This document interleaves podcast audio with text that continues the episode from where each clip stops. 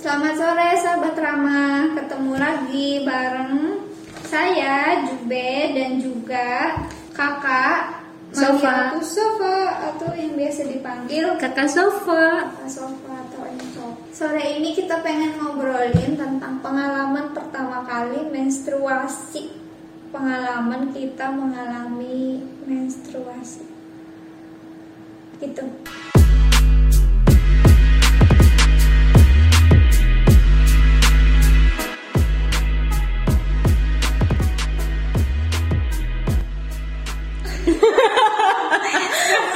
Kenapa? Apa Kenapa? Pengalaman pertama kali menstruasi kakak sobat gimana nih Pak? Itu pertama kali mengalami haid Pengalamannya gimana? Sedih kah? Shock kah? Atau biasa aja? Hmm, aku malah seneng. aku malah seneng. Soalnya aku menanti-nanti malah. Kok bisa? Iya kan, jadi posisinya itu kan aku dari pondok nih. Hmm. Terus eh, angkatan kelas 2 itu kelas aku ya udah pada head, udah pada head semua rata-rata. Ya tinggal paling cuman berapa ya dua orang atau tiga orang itu yang seangkatan. Dan aku termasuk yang belum head itu. Jadi kan kayak malah aku yang ngerasa salah gitu. Kok aku nggak head head ya kayak gitu. Eh, apa sih eh, ada yang salah kah sama tubuh aku? Kayak gitu. Kok aku nggak head head kayak gitu. Padahal kan di situ aku udah muncul jerawat. Ya katanya kan eh, kalau muncul jerawat itu tanda tandanya head. Nah itu aku pas muncul jerawat tuh wah berarti aku bentar lagi mau head nih kayak gitu. Tapi pas ditunggu-tungguin kok nggak head head juga gitu. Ya seneng pas pulang sekolah khususnya pulang sekolah aku ngerasa kayak becak gitu di eh, di iya celana dalam kayak gitu. Terus aku langsung buru-buru ke kamar mandi. Wah aku head aku seneng banget itu. Aku seneng banget. Pas ngerasain pertama kali seneng banget. Aku langsung pengumuman sama temen-temen aku. Eh akhirnya aku head gitu. Seru seneng ya? iya. Kalau pengalaman di pesantren seru ya. Mm-mm. Soalnya temennya cewek semua Iya. Terus juga kayak apa sih cerita tentang head itu nggak nggak tabu ya. Maksudnya kayak kita tuh eh, cerita-cerita tentang head kayak pengalaman perempuan karena kita sesama perempuan juga nggak ada yang ditutup-tutupin gitu. Kayak misalkan aku eh, istihado atau kayak gitu eh, terus eh, aku nyuci pembalutnya kayak gini gitu. Terus ya tentang cerita-cerita itu nggak apa sih sama sekali nggak ditutupin ya. Itu sih. Jadi kayak pas pertama kali head itu aku kayak udah nggak bingung. Kayak misalkan nyuci pembalutnya gimana terus cara apa sih masang pembalut di celana dalam itu gimana biar nggak tembus gitu. Karena aku udah dapat itu dari teman-teman aku kayak- kayak dari cerita teman-teman aku. Selain dari teman-teman dapat pengetahuan tentang head, biasanya dari mana sih kalau anak pesantren gitu? Kalau anak yang non pesantren kan paling dari orang tua ya. Mm-mm. Kalau dari sekolah sendiri, aku waktu SMP itu kurang kurang mendapatkan pengetahuan Hmm. seputar cash pro gitu paling eh, umum aja sih kayak alat perbedaan alat kelamin Hmm. laki-laki sama perempuan gitu. Nah kalau yang anak pesantren ini dapat pengetahuan terkait menstruasi ini dari mana gitu? Apakah dari sekolah atau diajarkan oleh guru atau gimana? Ada sih sebenarnya eh, apa pengetahuan tentang head itu di kayak di kitab-kitab kuning juga kan banyak ya. Kayak di Safina atau sebelum Safina itu tatbik apa itu Hmm. itu ada eh, Risalatul Mahid. Iya, Risalatul Mahid itu ada eh, apa sih penjelasan tentang head itu. Cuman karena emang eh, di pesantren itu kan kebanyakan eh, guru ya, guru atau ustadznya itu laki-laki. Jadi penjelasannya itu hanya sekedar yang ada di kitabnya aja, kayak misalkan perempuan hmm, tanda-tanda balik perempuan itu dengan head misalkan kayak gitu. Terus eh, warna-warna darah head kayak gitu. Ada perbedaannya misalkan dari coklat apa kayak gitu. Kayak pertama itu yang muncul da- darahnya warna coklat terus hitam apa kayak gitu kayak gitu pas eh, udah di kenyataannya maksudnya pas udah terjadi nggak sesuai sih sebenarnya kayak kompleks. Iya itu maksudnya nggak nggak sesuai dari apa yang diajarkan gitu kayak perempuan pas eh, head itu kayak merasakan sakit juga itu kan nggak didapat nggak didapat di maksudnya dari ustadz gitu. Nggak ada penjelasan. iya nggak ada penjelasan. Cuman kita kayak tahu aja eh, teman kita misalkan aku aku perutnya sakit gitu pas head. Atau aku eh, apa ya eh, tubuhnya pada pegel itu pas head. iya pada kenceng payudaranya kayak kenceng. Itu kan kita taunya eh, karena kita ngerasain sendiri gitu jadi taunya dari situ sih Seharusnya ustadznya yang belajar sama kita ya. Iya benar. Iya itu kurangnya sih sebenarnya kalau pengajaran di pondok itu kenapa eh, seolah-olah ya ketika eh, ustadznya itu menerangkan tentang head itu dia itu kayak lebih tahu gitu.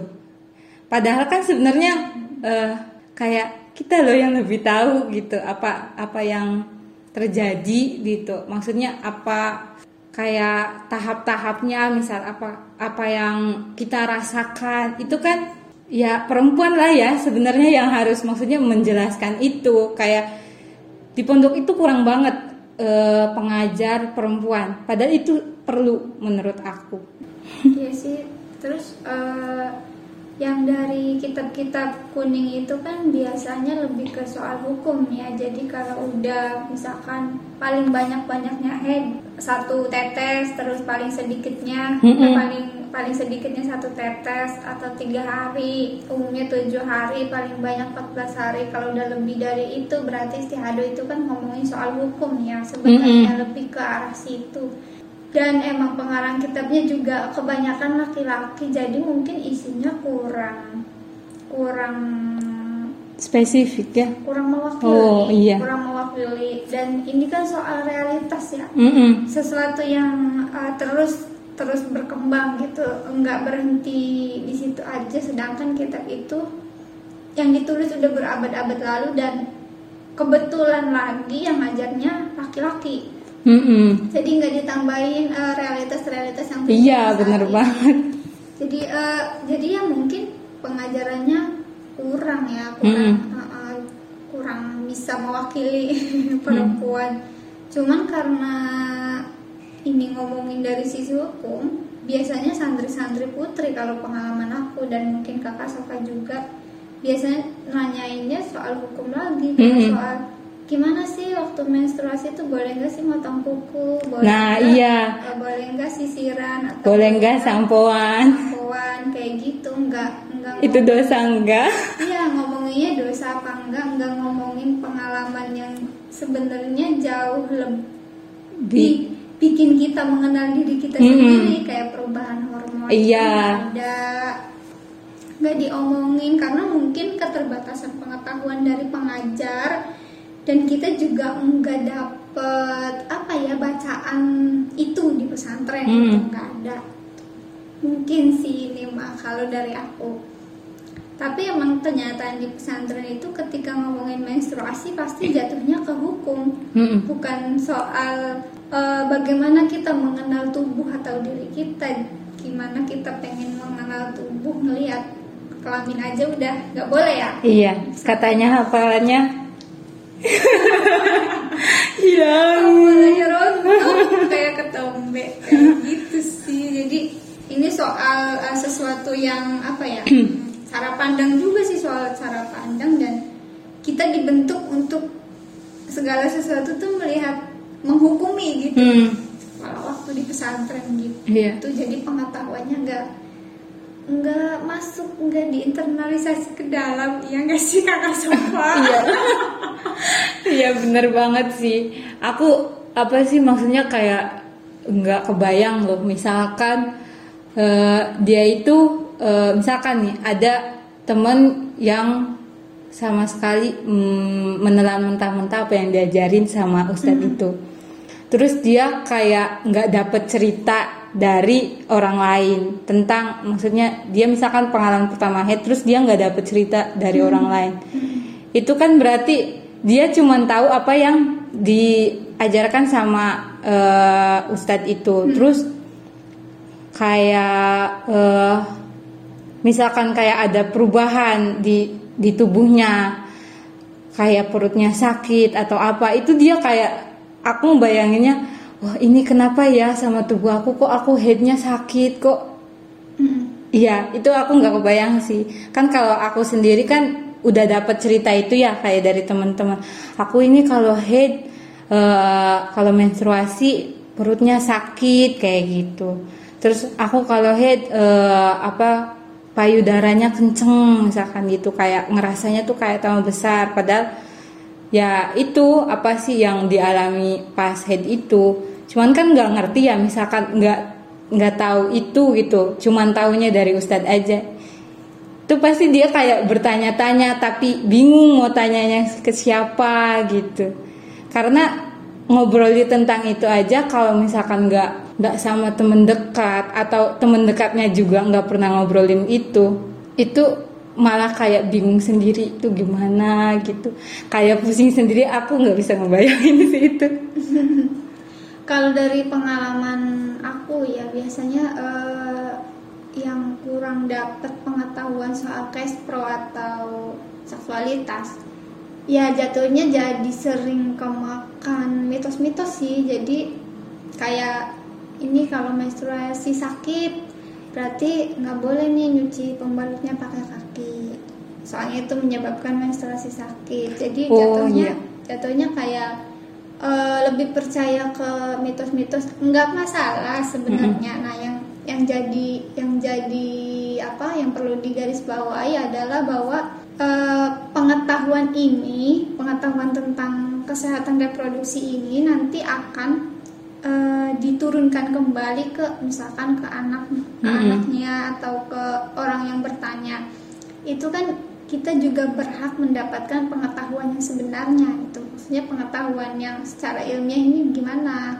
Ini proses apa sampai menyebabkan kita sakit? Terus mm-hmm. gimana cara mengatasi ini? Itu kan perlu ya iya. pengetahuan pengetahuan yang sebenarnya itu kayak perlu diketahui gitu nah iya sih iya bener kayak yang merasakan sakit itu malah uh, di aku ya aku pernah dengar cerita kalau perempuan menstruasinya sakit itu dia uh, pas lahiran itu susah oh, kok bisa Ya itu makanya karena pas pas menstruasi itu sakit itu bisa jadi pas lahirannya itu susah malah apa sih sakit banget kayak gitu. Memang sakit kan kalau yang nggak tahu itu kan jadi kayak bahan pikiran kita ya. Uh, pas aduh berarti aku ini lahirannya nanti susah ya kalau perutnya sakit. Kan ada tuh hmm. maksudnya temen yang dia itu sampai kalau menstruasi itu udah udah kayak nggak bisa ngapa-ngapain gitu. Perutnya tuh udah sakit banget kayak gitu. Bukan malah dikasih solusi atau maksudnya dibantu ditolong eh malah ditambah sama cerita-cerita kayak gitu. Itu kan iya. Itu kan nambah beban pikiran juga ya. Nambah stres. Kalau dari pengalaman kakak Safa tadi kan sebenarnya udah mulai uh, tahu atau aware soal seksualitas, soal kesehatan reproduksi kan berawal dari lingkungan. Hmm. Terus bener-bener sam sampai menginternalisasi pengalaman menstruasi itu dan dapat pengetahuan yang mungkin lebih lebih banyak lagi ya soal seksualitas itu mulai kapan dan dari mana gitu. Hmm, kalau udah sadar ya, sadar akan iya. maksudnya pentingnya uh, pengetahuan tentang cashflow itu uh, dan diinternalisasi. Ini penting soalnya. Iya, diinternalisasi sampai diinternalisasi itu pas kuliah sih ya sekitar umur 19 tahun mungkin itu aku baru benar-benar maksudnya kayak sadar ini itu penting banget buat aku, buat menjaga tubuh aku. Kayak kita itu belajar cash pro bukan hanya kayak tahu tentang head apa itu head terus uh, mengetahui organ-organ tubuh sama fungsinya. Tapi juga kita gimana kita menjaga itu? Ya enggak sih? Kayak kayak kebersihannya itu gimana? Terus perubahan-perubahan uh, di tubuh kita itu seperti apa? Kan setiap orang kan memiliki kayak perubahan-perubahannya itu kan kayak beda ya. Nggak semua orang misalkan step-stepnya itu pertama kayak gini terus kayak gini itu kan nggak sama. Nah jadi kayak kita itu nggak selalu ngebandingin sih. Kayak misalkan uh, kayak waktu dulu itu kan ada ya yang uh, payudaranya itu setelah head itu dia membesar. Terus ada juga yang setelah head malah kok kayak nggak apa sih nggak nggak besar-besar? Kayak gitu. Itu kan step-stepnya beda itu cuman kan jadi kayak banding-bandingin kan. Hmm. iya itu sih sebenarnya pendidikan seksualitas kesehatan reproduksi pendidikan tentang seksualitas ini penting gak sih kakak Sofa buat dipelajarin? Penting banget kakak Juber. Apa nih yang bikin penting banget sampai ini tuh harus disebarkan dan diajarkan ke semua orang gitu. Hmm, penting banget ya, apalagi dari kecil malah uh, pendidikan kesehatan reproduksi ini harus disebarluaskan, diajari, diberi pengetahuan tentang ini.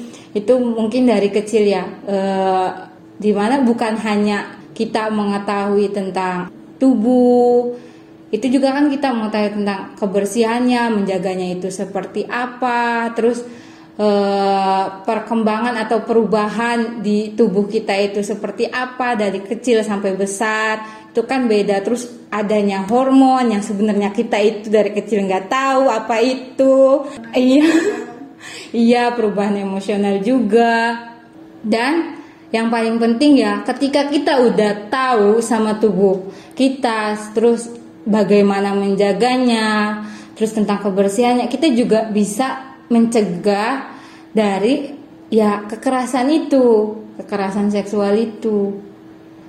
Kan kalau misalkan kita nggak tahu sama tubuh kita atau hak-hak yang ada di e, dalam diri kita ya, mana yang boleh disentuh dan mana yang nggak boleh disentuh, itu kan jadi ketika kita mengalami itu, kita jadi kayak uh, Daniel sendiri, kayak nggak sadar itu. Padahal dalam diri kita itu kayak udah tahu dari kecil kan kita tahu, kayak kita sadar ini tuh salah, yang dilakukan oleh dia ke saya itu salah. Tapi karena kita nggak mendapatkan itu dari kecil, jadi ya udah kayak gitu.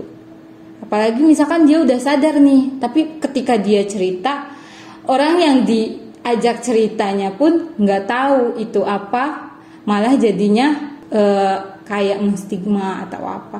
Udah kamu tuh uh, kamu yang salah misalkan. Hmm. ya itu kan jadi kayak double double ya udah dia merasakan maksudnya dia kayak ada yang salah eh malah ditambah lagi dia disalahin. Oh berarti ini salah aku ya kayak gini kayak gini. Itu kan jadi kompleks ya kalau nggak tahu nggak mengerti tentang itu semua lah itu sih. Apa dan sih? jadi nggak aware ya sama tubuhnya sendiri. Mm -mm, iya benar pengalamannya sendiri sama tubuhnya sendiri gitu. Padahal uh, pengetahuan tentang kesehatan reproduksi sama seksualitas ini kan sebenarnya proses kita mengenali salah satu ya salah satu proses kita mengenali hmm. diri kita sendiri ya, mengenali benar. tubuh mengenali berbagai perasaan dan emosi yang muncul gitu itu kan hmm. sesuatu yang tidak bisa dipisahkan dari kita hmm.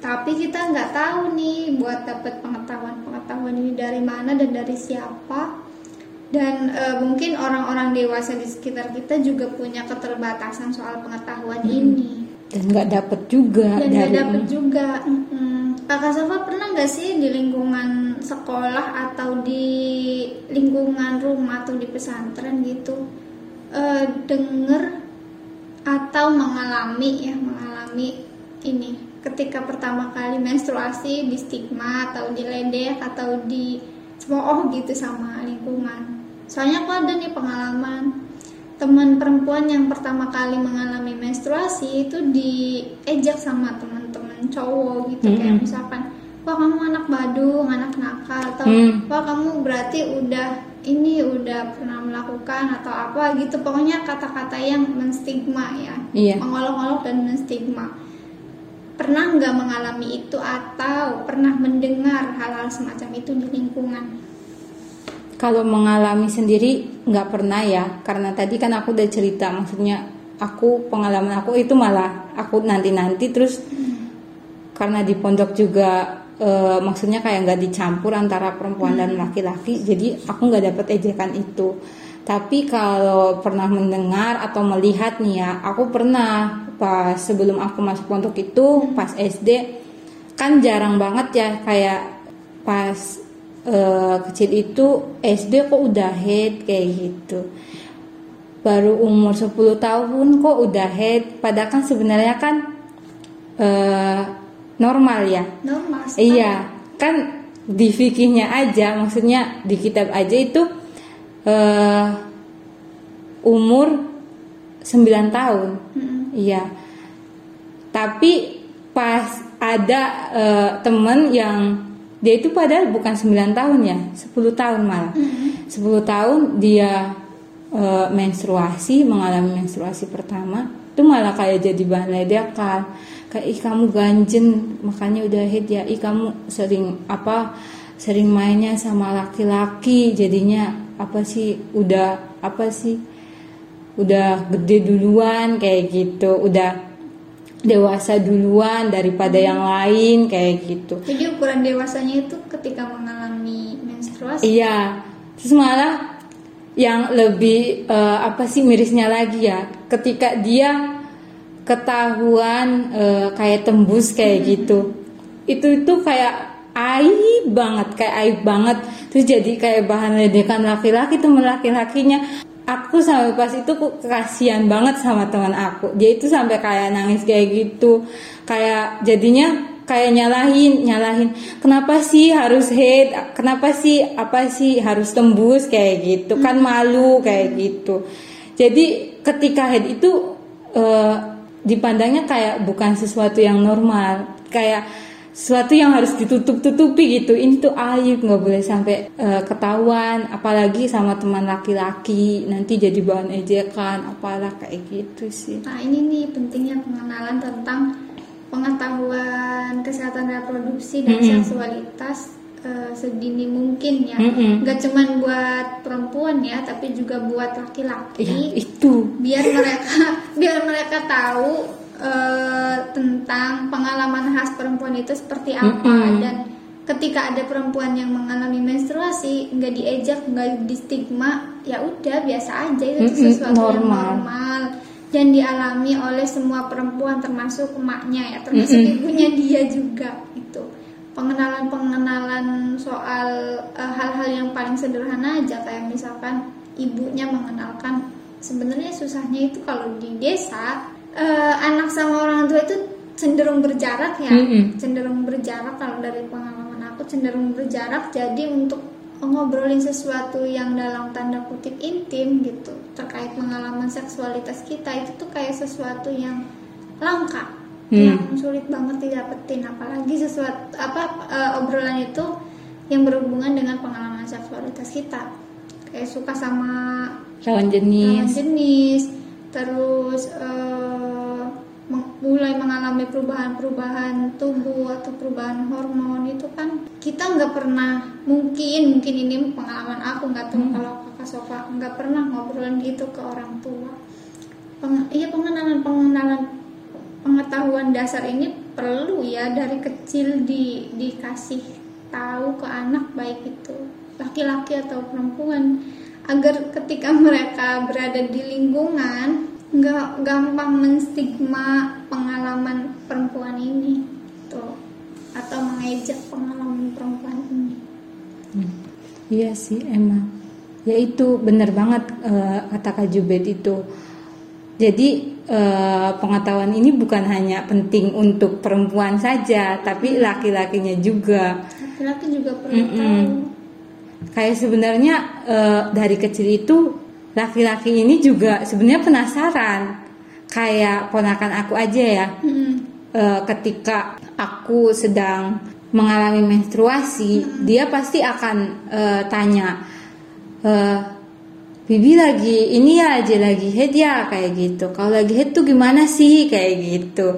Itu kan dia sebenarnya apa, penasaran ya. Iya, Tapi eh, waktu dulu kan obrolan kayak gitu maksudnya misalkan ada eh, yang menanyakan itu malah kayaknya nggak ada deh. Maksudnya nggak nggak seterbuka ini maksudnya.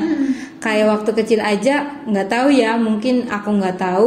Eh kakak aku itu nggak pernah maksudnya kayak nyinggung-nyinggung misalkan orang tua aku lagi head atau apa itu nggak pernah. Cuman itu aku kaget aja sih pas pas kayak ponakan aku nanya kayak gitu itu kan pas aku belum maksudnya belum sadar ya tentang seksualitas. Jadi aku kayak nutup diri kayak gitu. Apaan sih kayak gitu? Kamu tanya-tanya kayak gitu. Kan akunya juga kayak malu untuk ngomongin itu. Padahal sebenarnya itu perlu maksudnya dikasih tahu kayak iya apa sih e, misalkan aku lagi menstruasi kayak gini itu biasa setiap bulannya apa kayak gitu itu sih sebenarnya. Maksudnya cuman karena ya itu yang aku rasain pas pertama kali eh, dapat respon kayak gitu terus kayak aku belum belum sadar maksudnya pentingnya pengetahuan seksualitas itu. Ya malu sendiri untuk membicarakan itu. Kayak aib aja menganggapnya tuh kayak ini tuh udahlah eh, aku sendiri aja yang tahu gitu. Laki-laki tuh iya iya. Iya kayak laki-laki kan udah eh, punya maksudnya kayak mimpi basah kayak gitu. Itu kan kita juga nggak pernah menanyakan iya gimana eh, apa sih pada saat mimpi basah itu kita kan nggak tahu nggak Iya. pernah menanyakan itu kedua belah pihak sih sebenarnya.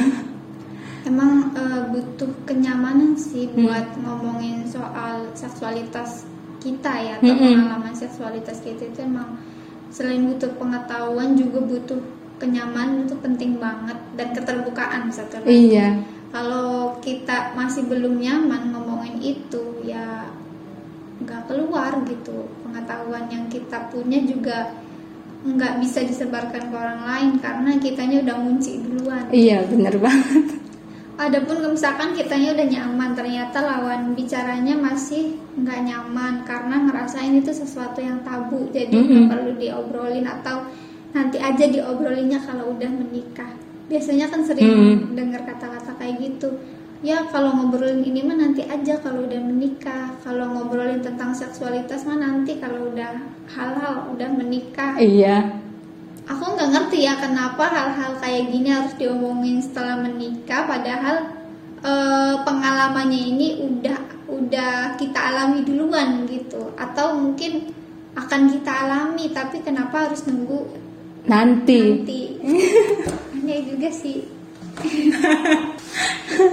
Padahal kalau misalkan udah dihadapkan maksudnya sama ya itu yang nggak kita ketahui kan kita bingung juga ya. Iya. Karena kita nggak tahu. Nggak tahu sih. Aku juga bingung banget ya.